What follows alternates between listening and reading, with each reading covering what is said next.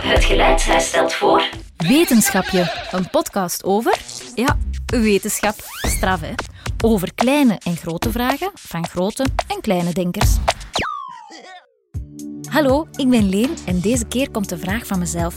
Ik wilde eigenlijk altijd al weten of je van de maan kan springen. Als het donker is, moet je maar eens buiten gaan staan en naar de maan kijken. Zot ding wel, hè? Dat daar boven ons hoofd hangt te bengelen. Hangt de maan eigenlijk met een touwtje vast aan de aarde? Want hij is er elke nacht opnieuw en waar je ook bent op aarde, je kan hem s'nachts bijna altijd zien. Hoe lang bestaat de maan al? En waarvan zou de maan gemaakt zijn? En wat zijn al die zwarte vlekken op de maan? En zou er midden in de maan een lampje branden? En zou je er vanaf kunnen springen? Ja, dat is voedsel voor ons hersenkwapje in dit... Kan je van de maan springen? Ik ben met iemand gaan praten die dat misschien wel weet.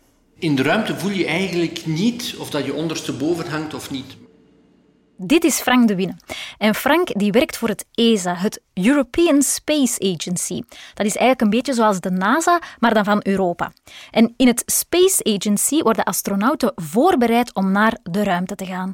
En Frank die is zelf ook astronaut. Ja, een echte astronaut. Cool, hè?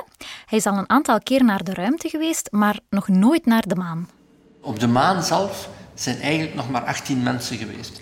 De laatste keer dat iemand naar de maan is gevlogen was in 1972. It's one small step for man, one giant leap for mankind. Dat is al heel lang geleden. Toen was ik nog niet geboren. En jij al helemaal niet. Maar Frank is wel al in de ruimte geweest. Met een echte raket, hoppakee, de ruimte in. En hij is regelrecht naar het Internationaal Ruimtestation gevlogen. Dat is een soort van huis dat rond de aarde draait. Als je gelanceerd wordt, na acht minuten ben je al in de ruimte. Acht minuten, dat is korter dan de eerste speeltijd duurt op school. Op acht minuten is een ei hard gekookt. En op dezelfde tijd ben je dus ook in de ruimte. Wauw, dat is gek. Het is maar 400 kilometer boven onze aarde dat eh, het ruimtestation draait. Dus als het juist boven België is, ja, dan is dat niet zo ver. Dat is gelijk van Brussel naar Parijs. Eh, maar natuurlijk... Het allereerste wat Frank deed als hij in de ruimte aankwam, was naar buiten kijken. Ja, want eh, dat is een geweldig zicht natuurlijk om te zien hoe mooi onze planeet is, maar ook hoe kwetsbaar ze is. Hè. Als je op een mooie zomerdag hier naar boven kijkt en je kijkt naar de lucht, dan denk je dat die blauwe lucht oneindig ver doorgaat. Maar als je van boven kijkt naar onze aarde, dan zie je dat dat eigenlijk maar een heel, heel, heel dun laagje is. Als je een voetbal zou nemen, onze atmosfeer, dat is eigenlijk maar de dikte van een haar dat je boven die voetbal zou leggen. Dus heel kwetsbaar. En daar ben je je eigenlijk wel heel van bewust als je naar de ruimte ligt. Wow, wacht even. Dat is wel een heel duur woord. Atmosfeer? De atmosfeer is het laagje gas dat zich rond onze aarde bevindt. Dat gas is zuurstof. De lucht dus eigenlijk die we elke dag inademen. De lucht die we ook nodig hebben om te kunnen leven. Alle andere planeten van ons zonnestelsel hebben ook een atmosfeer. En van op de aarde lijkt het alsof de lucht, onze atmosfeer dus, oneindig ver boven ons hoofd uitstijgt. Maar in werkelijkheid is dat maar een mini mini klein laagje. Voor ik te weten kan komen of je nu van de maan kan springen of niet, zijn er toch nog een aantal andere vragen die ik heb. Bijvoorbeeld, smeren astronauten hun boterhammen beneden op aarde of doen ze dat boven in de ruimte? We hebben zelfs geen boterhammen, want in de ruimte alles zweeft. En als je dus een boterham zou snijden, eh, dan, dan, komen daar kruimeltjes van, van de korst. En die zweven dan allemaal rond. Die kunnen in de apparatuur geraken, dat is niet goed voor de computers. Maar ook die kunnen in je oog zweven. En dan heb je, kan je een oogontsteking van krijgen. En zo verder. Dus alles wat kruimelt, proberen wij te vermijden in de ruimte. Dus ja, boterhammen... Geen boterhammen met choco voor astronauten dus. Spijtig. Oké, alles zweeft in de ruimte. Hoe zit dat dan met pipi doen? Want stukjes rondzwevende pipi. Ja, dat is eigenlijk uh, ook niet zo gemakkelijk hè, in de ruimte, want ja, alles zweeft weg. Dus ja, je moet een, een systeem vinden om dat te kunnen opzuigen. Een soort van stofzuiger zou je kunnen zeggen, hè, waaraan dat dan ja, een soort trechter gekoppeld is. En als je daar dan pipi in doet, ja, dan gaat natuurlijk je pipi samen uh, mee opgezogen door, door die stofzuiger. En de pipi, wat doen we daar dan mee? Uh, nee? Daar maken we terug drinkwater van. Dus als ik het goed begrijp, drinken astronauten hun eigen pipi? Ja? En de pipi van onze kameraden ook. Hè? Amai, dat vind ik een beetje vies toch? Geef mij dan maar een glas iced tea of een glas melk of zo. Mm. Ik vraag me nog altijd af of je van de maan kan springen. Maar eerst wil ik weten hoe die maan is ontstaan. En zelfs dat weet Frank. Een van de gangbare theorieën is dat er een grote botsing geweest is met een enorme uh, ja, meteoriet die een stuk aarde heeft weggeslagen. Dus, de aarde is rustig aan het rondzweven in de ruimte. Pom, pidom, pidom, pidom. Als plots een gigantische rotsblok, een meteoriet van wel kilometers groot, in duizelingwekkende snelheid op de aarde afkomt en die... Die een stuk aarde heeft weggeslagen uit onze aarde. En dat zo de maan ontstaan is. En als ik naar de maan wil gaan, doe ik dan best een trui aan of een t-shirtje? Ja, op, op, de maan gaat geen van de beide u helpen. Hè. Aan de zonnekant van de maan is het uh, meer dan 100 graden warm. Uh, aan de andere kant, de koude kant van de maan, is meer dan 100 graden koud. Ja, Frank bedoelt natuurlijk min 100 graden koud. Je hebt daar echt ruimtepakken nodig. En daarom dat je ook ziet als de, de maanastronauten, Neil Armstrong, daaruit stapt, dat hij van die ja, heel zware, grote maanpakken heeft, die eigenlijk ja, een soort mini-ruimteschip zijn. Frank weet duidelijk heel veel over de maan. Ik denk dat hij ook weet of je er vanaf kan springen. Kunt je van de maan springen? Eigenlijk niet. Dat komt door de zwaartekracht. Wow, wacht even. Weer een duur woord, zeker 100 miljoen euro. De zwaartekracht. Daar draait het dus allemaal om. Maar wat is dat nu precies? Wel, zwaartekracht is de kracht die ervoor zorgt dat je op aarde blijft staan en niet gaat vliegen zoals in de ruimte. Het is de kracht waardoor appels naar beneden vallen en ook naar boven. En ook dat als je omhoog springt, je altijd terug naar beneden komt. Altijd, zelfs al zou je springen tot in de wolken. En op de maan is er ook een bepaalde zwaartekracht, alleen is die veel kleiner dan op aarde. Oké, zwaartekracht trekt je naar beneden. Maar stel dat je heel veel spieren hebt. Je bent echt supersterk. En je zou zo hoog kunnen springen dat je aan de zwaartekracht van de maan ontsnapt. Kan je dan van de maan springen? Ja, als je natuurlijk heel, heel sterk uh, bent, dan kun je natuurlijk heel hoog springen en een zodanige snelheid ontwikkelen, zodanig dat je eigenlijk ja, uit het uh, aantrekkingsveld uh, van de maan zou kunnen geraken. Hij bedoelt dus eigenlijk gewoon ja. Dat is geen wat wij doen met onze raketten.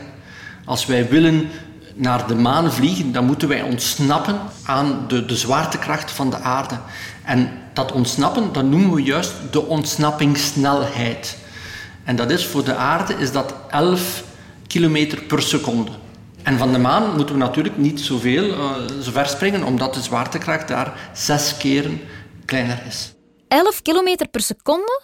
Dat is supersnel. Dat is zo snel dat je op 30 seconden heel België door bent. Of op 1 uur heel de wereld rond. Of op 6,5 minuut naar de Noordpool. Of op 30 seconden naar Disneyland Parijs. Of op 11,5 minuten naar China. Of in fractie van een seconde tot bij de Boma. Waanzinnig snel. Zo snel is niemand. Maar wat ik me al de hele tijd afvraag is... Hoe komt het eigenlijk dat we worden aangetrokken tot een planeet? Zit er dan een magneetje in het midden van de aarde of de maan? Dat is een hele goede vraag. Maar waarom dat, dat gebeurt, uh, bestaan er heel veel theorieën terug. Maar wij kunnen dat niet beheersen. Moesten we het kunnen beheersen, dan hebben we geen raketten meer nodig. Dan kunnen we de zwaartekracht aan en afzetten. Dan moeten we niet naar het ruimtestation vliegen. Dan kunnen we hier in deze ruimte een uh, anti-zwaartekrachtcel zetten en dan kunnen we hier allemaal rondzweven. Dat zou fantastisch zijn. Dat zou inderdaad fantastisch zijn. We kunnen dus niet van de maan springen. Want er is zwaartekracht en die zorgt ervoor dat je op de maan blijft plakken. Tenzij je natuurlijk genoeg spieren krijgt en heel snel heel hoog kan springen. Maar laat ons eerlijk zijn, dat zal nog niet zo snel gebeuren. Mocht jij nog een vraag hebben, stel ze gerust aan leen.geluidshuis.be. En wie weet ga ik wel op zoek naar het antwoord.